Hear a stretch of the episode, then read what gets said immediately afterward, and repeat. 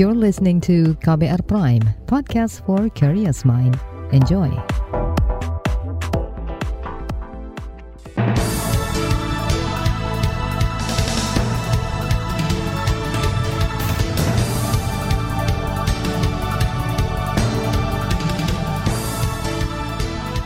Selamat pagi saudara, senang sekali kami bisa menjumpai Anda kembali melalui program Buletin Pagi edisi Kamis 30 Juni 2022.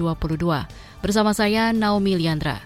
Sejumlah informasi pilihan telah kami siapkan di antaranya, pemerintah buka peluang legalkan ganja untuk medis. Awal Juli beli Pertalite harus daftar My Pertamina.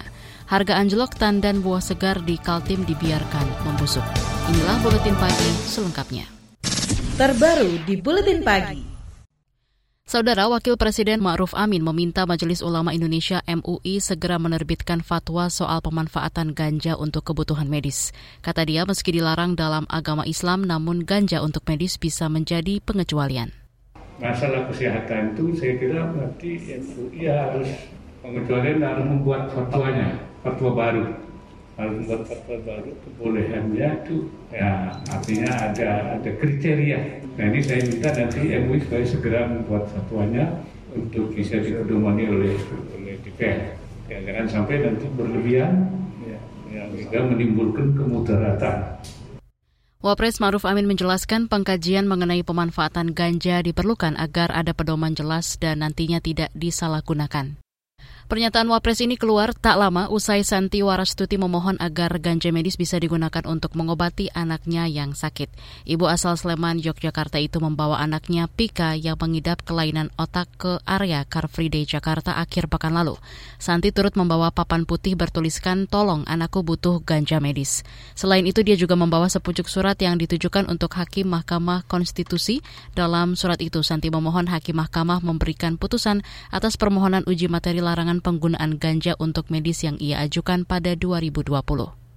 Selasa lalu, Santi juga mendatangi gedung DPR untuk meminta dukungan dari wakil rakyat.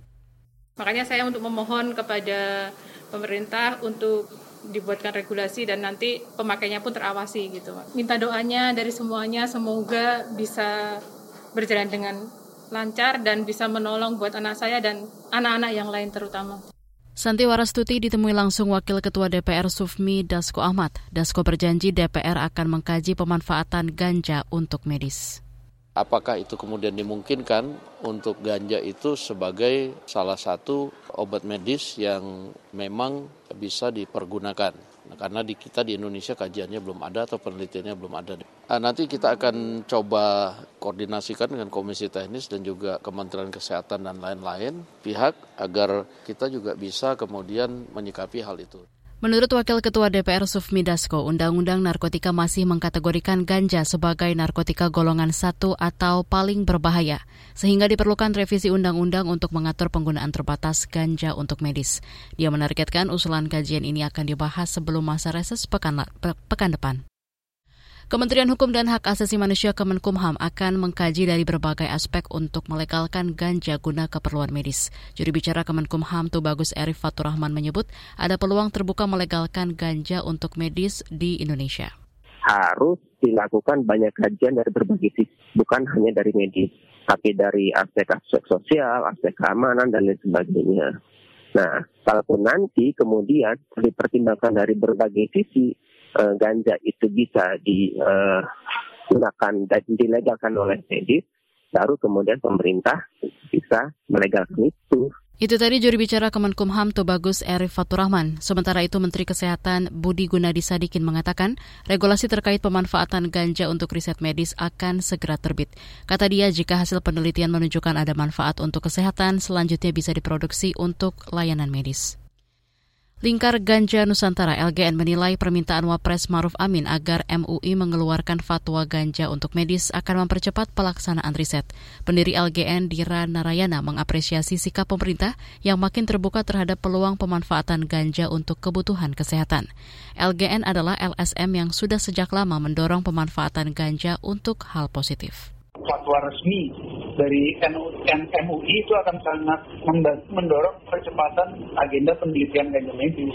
Dan ini terbukti ya, setelah Pak Ma'ruf itu menyatakan dukungan ini, terus hari ini kita mendapatkan berita baik lagi dari Menteri Kesehatan Pak Budi Gunadi Sadikin memberikan lampu hijau untuk uh, izin riset ganja medis. Pendiri LGN Dira Narayana menyebut riset mengenai manfaat ganja masih terbatas bahkan di dunia, sebab banyak aturan yang belum mendukung penggunaan ganja tersebut. Meski begitu, dia optimistis pemanfaatan medis akan segera dilegalkan pemerintah Indonesia. Itu lantaran sudah banyak dukungan untuk mendorong kajian segera terlaksana. Apalagi banyak negara yang sudah menggunakan ganja untuk medis. Di Indonesia, pemanfaatan ganja medis baru sebatas budaya turun-temurun di Aceh. Saudara, uji coba pembelian Pertalite dan solar melalui laman atau aplikasi My Pertamina dimulai hari ini. Tetaplah di Buletin Pagi KBR. You're listening to KBR Pride, podcast for curious mind. Enjoy!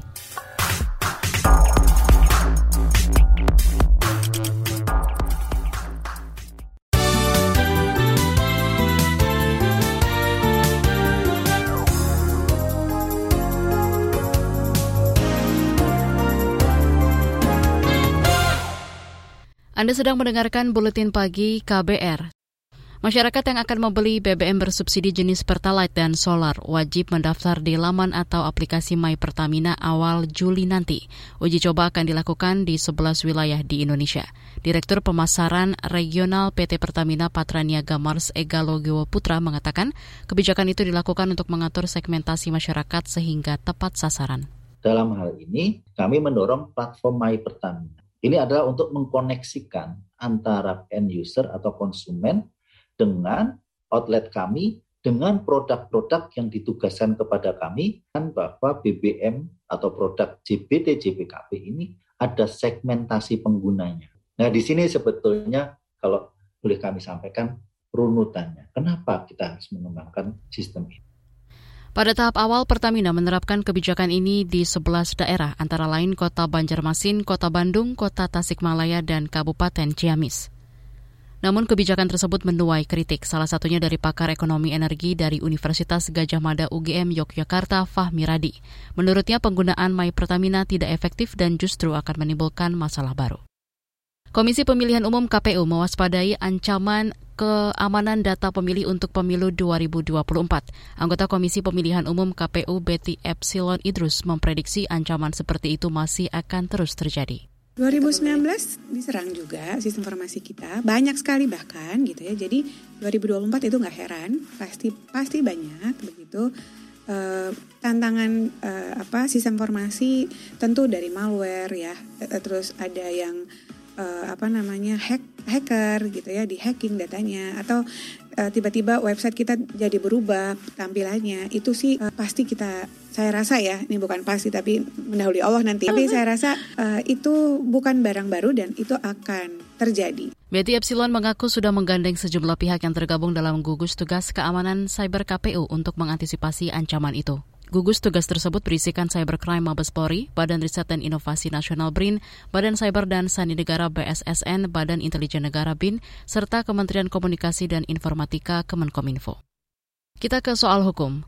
Komisi Pemberantasan Korupsi KPK memeriksa bekas Menteri Dalam Negeri Mendagri Gamawan Fauzi dalam penyelidikan dugaan korupsi KTP elektronik. Dilansir dari antara, Gamawan dipanggil sebagai saksi untuk tersangka Paulus Thanos selaku Direktur Utama PT Sandipala Artapura. Juri bicara KPK Ali Fikri mengatakan Gamawan diperiksa di Gedung Merah Putih. Dalam fakta persidangan dengan terdakwa Setia Novanto, PT Sandipala Artapura diduga diperkaya hingga 140 miliar rupiah dalam proyek ini. Dalam surat dakwaan bekas Ketua DPR Setia Novanto, Gamawan disebut menerima uang 50 juta rupiah, satu unit ruko dan sebidang tanah lewat adiknya Asmin Aulia. Namun Gamawan berulang kali membantah hal itu. DPR mendorong pemerintah membentuk Satgas Pemantau Pekerja Migran Indonesia PMI. Usulan itu disampaikan Wakil Ketua DPR Sufmi Dasko Ahmad menanggapi temuan seratusan PMI meninggal akibat disiksa di rumah tahanan imigrasi Sabah, Malaysia. Perlu dibentuk satu Satgas yang berkoordinasi terpadu untuk memantau pekerja-pekerja Indonesia di luar negeri. Nah, kita tidak bisa menyalahkan satu uh, lembaga, tapi memang harus perlu koordinasi. Wakil Ketua DPR Sufmi Dasko Ahmad menambahkan perlu kerjasama komprehensif antar lembaga dan kementerian untuk mengawasi dan menekan pengiriman PMI ilegal ke luar negeri. Kata dia, lembaga-lembaga itu harus bertanggung jawab dalam melindungi PMI yang bekerja di luar. Sebelumnya, tim investigasi buruh migran berdaulat merilis temuan 140-an warga negara Indonesia meninggal di rumah tahanan imigrasi di Sabah, Malaysia dalam kurun 2021-2022. Beralih ke informasi lain, Pemerintah menetapkan 1 Zulhijjah 1443 Hijriah bertepatan dengan Jumat 1 Juli 2022. Dengan begitu Idul Adha akan dirayakan pada Minggu 10 Juli 2022. Hasil itu diputuskan dalam sidang isbat yang digelar malam tadi. Wakil Menteri Agama Zainud Tauhid Saadi mengatakan keputusan itu didasarkan dari pantauan hilal di 86 titik Indonesia. Dari pantauan itu tidak ada satupun yang menyaksikan hilal. Masih terkait Idul Adha, Majelis Ulama Indonesia MUI menyatakan hewan ternak dengan gejala penyakit mulut dan kuku PMK ringan boleh dijadikan hewan kurban. Sekretaris Jenderal MUI Amir Syah Tambunan mengatakan syarat hewan kurban menurut syariat Islam adalah sehat dan kuat secara lahir maupun batin. Tapi kalau udah lemah, lesu, jalannya sudah susah gitu ya, bahkan cenderung kelihatan kurus, maka itu tidak sah untuk dikurbankan. Kalau ada yang sakit, seperti sudah kelihatan itu, tapi cepat disuntik uh, vaksin, kemudian sembuh, itu sah dikurbankan dengan rentang waktu penyembelihannya tentu 10 sampai 13 Hijjah. Jadi artinya di hari tasyrik. Itu tadi Sekjen MUI Amir Syah Tambunan. Sementara itu Kementerian Pertanian mengklaim ketersediaan hewan kurban menjelang Idul Adha terpenuhi. Menurut Kementan, kebutuhan hewan kurban secara nasional akan mencapai 1,8 juta ekor. Saat ini ketersediaan hewan kurban melampaui 2,2 juta ekor. Kita ke informasi mancanegara. Presiden Joko Widodo bertemu Presiden Ukraina Volodymyr Zelensky di Istana Mariinsky Kiev Rabu sore waktu setempat. Setelah penyambutan, kedua pemimpin negara itu masuk ke dalam istana untuk melakukan sesi foto bersama dan dilanjutkan pertemuan tatap muka tertutup. Sebelum bertemu Zelensky, Jokowi meninjau kompleks apartemen Lipki di kota Irpin, Ukraina. Di sana, kepala negara melihat puing-puing bangunan apartemen yang rusak akibat perang.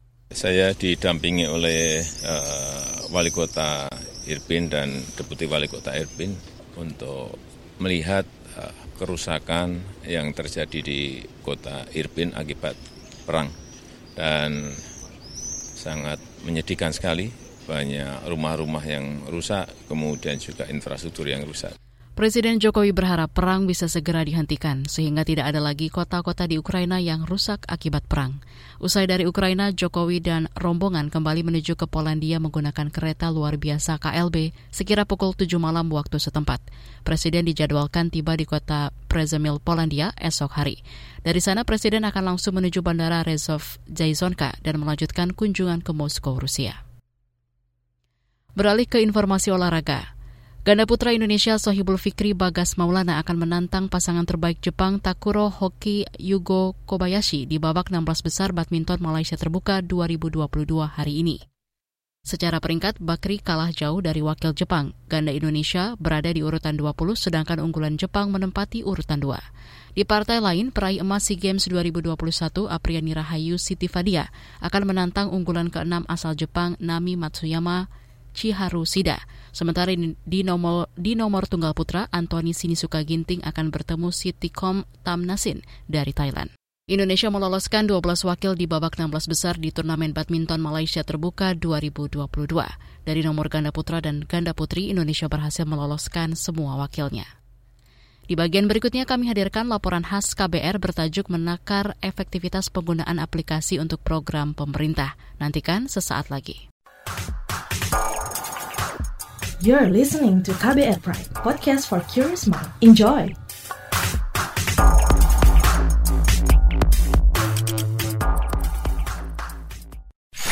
Commercial break. Commercial break.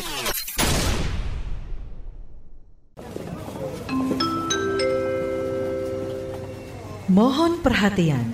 Panggilan terakhir penumpang Trending Air dengan nomor penerbangan WT0101 dipersilakan segera mendengarkan podcast What's Trending melalui Spotify. Karena podcast What's Trending sekarang ada di playlist teman perjalananmu. Selamat menikmati. Terima kasih.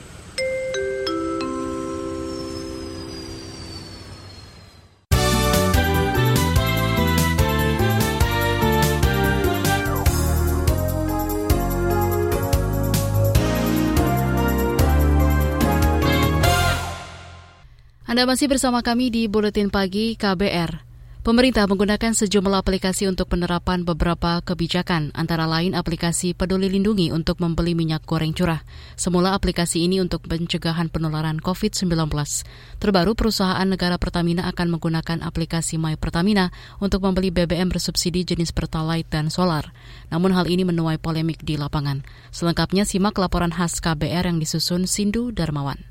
Sosialisasi pembelian minyak goreng curah menggunakan aplikasi Peduli Lindungi dilakukan mulai awal pekan ini. Penggunaan aplikasi Peduli Lindungi bagian dari upaya pemerintah mengatasi sengkarut minyak goreng, mulai dari kelangkaan stok hingga harga yang tinggi. Menteri Koordinator Bidang Kemaritiman dan Investasi Menko Marves Luhut Binsar Panjaitan mengatakan, perubahan cara pembelian dilakukan supaya tata kelola minyak goreng curah bisa dipertanggungjawabkan dan terpantau, mulai dari produsen hingga konsumen. Setelah masa sosialisasi selesai, semua penjual dan pembeli minyak goreng curah akan menggunakan aplikasi Peduli Lindungi. Bagi masyarakat yang belum punya Peduli Lindungi, bisa menunjukkan nomor induk kependudukan atau NIK. Sementara itu, Menteri Perdagangan Zulkifli Hasan mengklaim sudah ada belasan ribu titik penjualan yang menyediakan minyak goreng curah senilai harga eceran tertinggi atau HET. Jadi kalau cari yang 14 ribu, kita sudah sediakan hampir 15 ribu titik. Di sini tadi hampir tiap toko ada yang 14 ribu, hampir ada. Tapi di tempat lain kadang-kadang ada dua tempat, tiga tempat gitu. Nah saya Alhamdulillah sekali lagi teman-teman juga menyaksikan curah 14.000 liter per liter atau 15.500 per kilo tersedia nggak ada lagi yang antri. Namun, kebijakan itu menuai kritik. Salah satunya dari Ikatan Pedagang Pasar Indonesia atau IKAPI. Menurut Sekretaris Jenderal IKAPI, Reynaldi Sarijoan, kebijakan tersebut perlu dikaji ulang lantaran akan sulit diterapkan di lapangan. Padahal, minyak goreng adalah hak masyarakat yang harusnya bisa diperoleh dengan mudah tanpa dipersulit. KTP nggak jalan, akhirnya akan dirubah lagi menjadi peduli lindungi. Saya kira eh, masalah utamanya ini ada di kebijakan pemerintahnya yang nggak tepat aja. Implementasinya sulit kalau beli minyak goreng curah seharga 14.000 per liter dan 15.500 per kilo harus pakai peduli lindungi. Ini berat. Kita harus sosialisasi dulu secara masif. Selain aplikasi peduli lindungi yang mulai menuai polemik di masyarakat, tidak lama lagi, Pertamina akan menggunakan aplikasi My Pertamina untuk pembelian BBM bersubsidi jenis Pertalite dan Solar. Sekretaris Perusahaan Pertamina Patraniaga Irto Ginting mengatakan kebijakan itu dimulai 1 Juli mendatang. Nantinya akan ada sistem kuota dan pembatasan pembelian BBM bersubsidi. Pada tahap awal, kebijakan ini akan diberlakukan di 11 daerah di 5 provinsi, antara lain Kota Banjarmasin dan Kota Bandung belum juga diberlakukan. Rencana ini sudah menuai kritik dari sejumlah pihak, termasuk dari masyarakat di daerah yang akan dijadikan uji coba. Salah satunya warga Kota Bandung, Jawa Barat, Suduri Septa Mardia. Ia adalah salah satu konsumen yang biasanya membeli Pertalite. Kritik saya sih ya teman-teman di pemerintahan harus paham juga bahwa tidak semua masyarakat itu sudah melek teknologi, sudah bisa dijamah dengan akses internet yang mudah, punya gadget dan segala rupa itu belum belum merata, belum semuanya. Jadi ketika apa teman-teman di sana membuat kebijakan gitu harus dipikirkan juga masyarakat-masyarakat lah di berbagai lapisan sampai lapisan di paling bawah. Septa menyarankan Pertamina menunda dulu rencana tersebut karena infrastruktur yang tersedia belum lengkap. Selain itu, informasi yang tersedia masih simpang siur. Ia khawatir hal ini justru menimbulkan keresahan di masyarakat. Septa mengaku belum mendaftarkan diri meski sudah mengetahui informasi tersebut. Sementara itu, warga kota Bandung yang lain, yakni Muhammad Taruna Primarhadi, mengaku sudah mencoba mendaftar ke aplikasi My Pertamina – Sebab ia juga biasanya mengisi motornya dengan 2 liter pertalite sehari. Namun, pendaftaran baru dibuka 1 Juli 2022. Menurutnya, bagi mereka yang melek teknologi, pendaftarannya akan mudah. Tetapi, kemungkinan bakal sulit bagi yang gagap teknologi akhirnya aku nggak mau ketika buy aplikasi itu cuma jadi jadi formalitas belaka gitu. Karena nggak tutup mata nggak tutup telinga juga kita ngelihat di beberapa mall bahwa peduli lindungi sudah tidak berjalan dengan baik gitu. Karena SDM SDM yang harusnya menjaga itu juga kayak nggak peduli juga gitu sama itu gitu. Akhirnya cuma sekedar formalitas belaka gitu peduli lindungi ya. Dalam situs mypertamina.id ada sejumlah syarat yang diwajibkan bagi pengguna BBM bersubsidi yang akan mendaftar, antara lain KTP, STNK, dan dokumen pendukung lain. Penggunaan aplikasi ini jadi salah satu strategi Pertamina mencegah kebocoran penyaluran BBM subsidi. Sebab, subsidi BBM yang seharusnya diberlakukan untuk masyarakat miskin, sebagian besar bocor ke orang-orang kaya. Pemerintah harus mengeluarkan duit sekitar 7.800 per liter untuk subsidi BBM jenis solar. Kemudian untuk Pertalite, subsidi yang dikeluarkan negara sekitar Rp4.000. Sejak 2016 harga Pertalite tidak berubah, yakni Rp7.650 per liter. Padahal tahun ini kompensasi BBM yang dianggarkan pemerintah mencapai 234 triliun rupiah. Demikian laporan khas KBR, saya Dwi Renjani. Informasi dari berbagai daerah akan hadir usai jeda. Tetaplah bersama Buletin Pagi KBR. You're listening to KBR Pride, podcast for curious mind. Enjoy!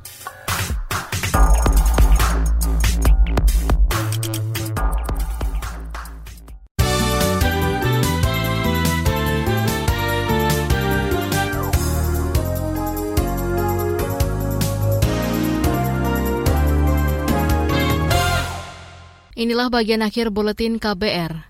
Tandan buah segar TBS kelapa sawit di Kalimantan Timur dibiarkan tak dipanen hingga membusuk. Para petani dan masyarakat ogah memanen TBS lantaran harganya anjlok, yakni dari Rp3.000 menjadi Rp900 per kilogram. Berikut pernyataan Kepala Dinas Perkebunan dan Perikanan Kabupaten Pasir, Kalimantan Timur, Joko Bawono. Penurunan harga TBS di kami ini harga TBS kisaran sekitar 900 sampai 1.200 saat ini ya. Saat ini. Hmm kalau kita bandingkan dengan provinsi yang lain kita masih di atas sedikit lah. Kalau di Sumatera itu sudah menyentuh angka 500 sampai 700 perak aja. Nah masalahnya ini bukan masalah spesifik masalah Kabupaten Pasir atau Kaltim, tapi iya, iya. se-Indonesia. Ya, uh, berharap agar harga TBS ini kembali stabil. Kalau saya dengan informasi sudah teman-teman kelompok pekebun ada yang tidak panen. Oh, karena karena dengan harga ya? itu sudah untuk biaya angkut, biaya panen dan sebagainya sudah terlalu lebih baik tidak dipanen. Joko Bawono menambahkan harga TBS saat ini tak sebanding dengan biaya panen dan angkut. Menurutnya, anjloknya harga TBS kelapa sawit salah satunya karena tidak semua perusahaan diberikan izin ekspor. PT KAI Daop 2 Bandung menggelar kampanye melawan kekerasan dan pelecehan seksual di transportasi umum. Kampanye digelar di stasiun Bandung kemarin. Wakil Presiden Eksekutif KAI Daop 2 Bandung Joko Widakdo mengatakan transportasi kereta api harus memberikan layanan keamanan dan kenyamanan bagi seluruh pelanggan. Jangan lupa lapor kepada petugas yang ada di atas kereta bisa kondektur, bisa ada di situ Polsuska ya atau siapa saja tugas kereta api yang ada di atas KA. Akan kita tindak lanjuti. Kami mengutuk keras semua kejahatan seksual yang terjadi di kereta api. Joko Widodo menjamin seluruh petugas KAI akan terus bersiaga. Dia mengimbau pelanggan tetap waspada dan berperan aktif mencegah kekerasan dan pelecehan seksual di semua transportasi umum. Terakhir ke Papua, satu prajurit TNI tewas usai terlibat kontak senjata di distrik Kiwiro, Kabupaten Pegunungan Bintang, Papua kemarin sore. Prajurit bernama Beryl Khalif Al-Rohman itu meninggal akibat luka tembak di bagian paha. Sementara itu, Tentara Pembebasan Nasional Papua Barat, Organisasi Papua Merdeka, TPNPB OPM, mengklaim bertanggung jawab atas serangan itu. Juri bicara TPNPB Sebi Sambo mengatakan TPNPB di bawah pimpinan Lamek Ataplo telah menyerang pos TNI di Kiwirok dan menembak mati seorang anggota TNI. Kata dia serangan ini merupakan bentuk perayaan Hari Proklamasi Papua pada 1 Juli mendatang. Informasi tadi menutup jumpa kita di Buletin Pagi hari ini. Pantau juga informasi terbaru melalui kabar baru, situs kbr.id, Twitter kami di akun @beritaKBR, serta podcast di alamat kbrprime.id.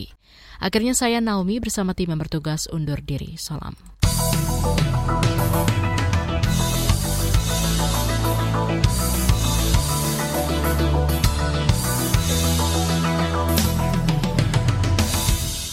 KBR Prime, cara asik mendengar berita. KBR Prime, podcast for curious mind.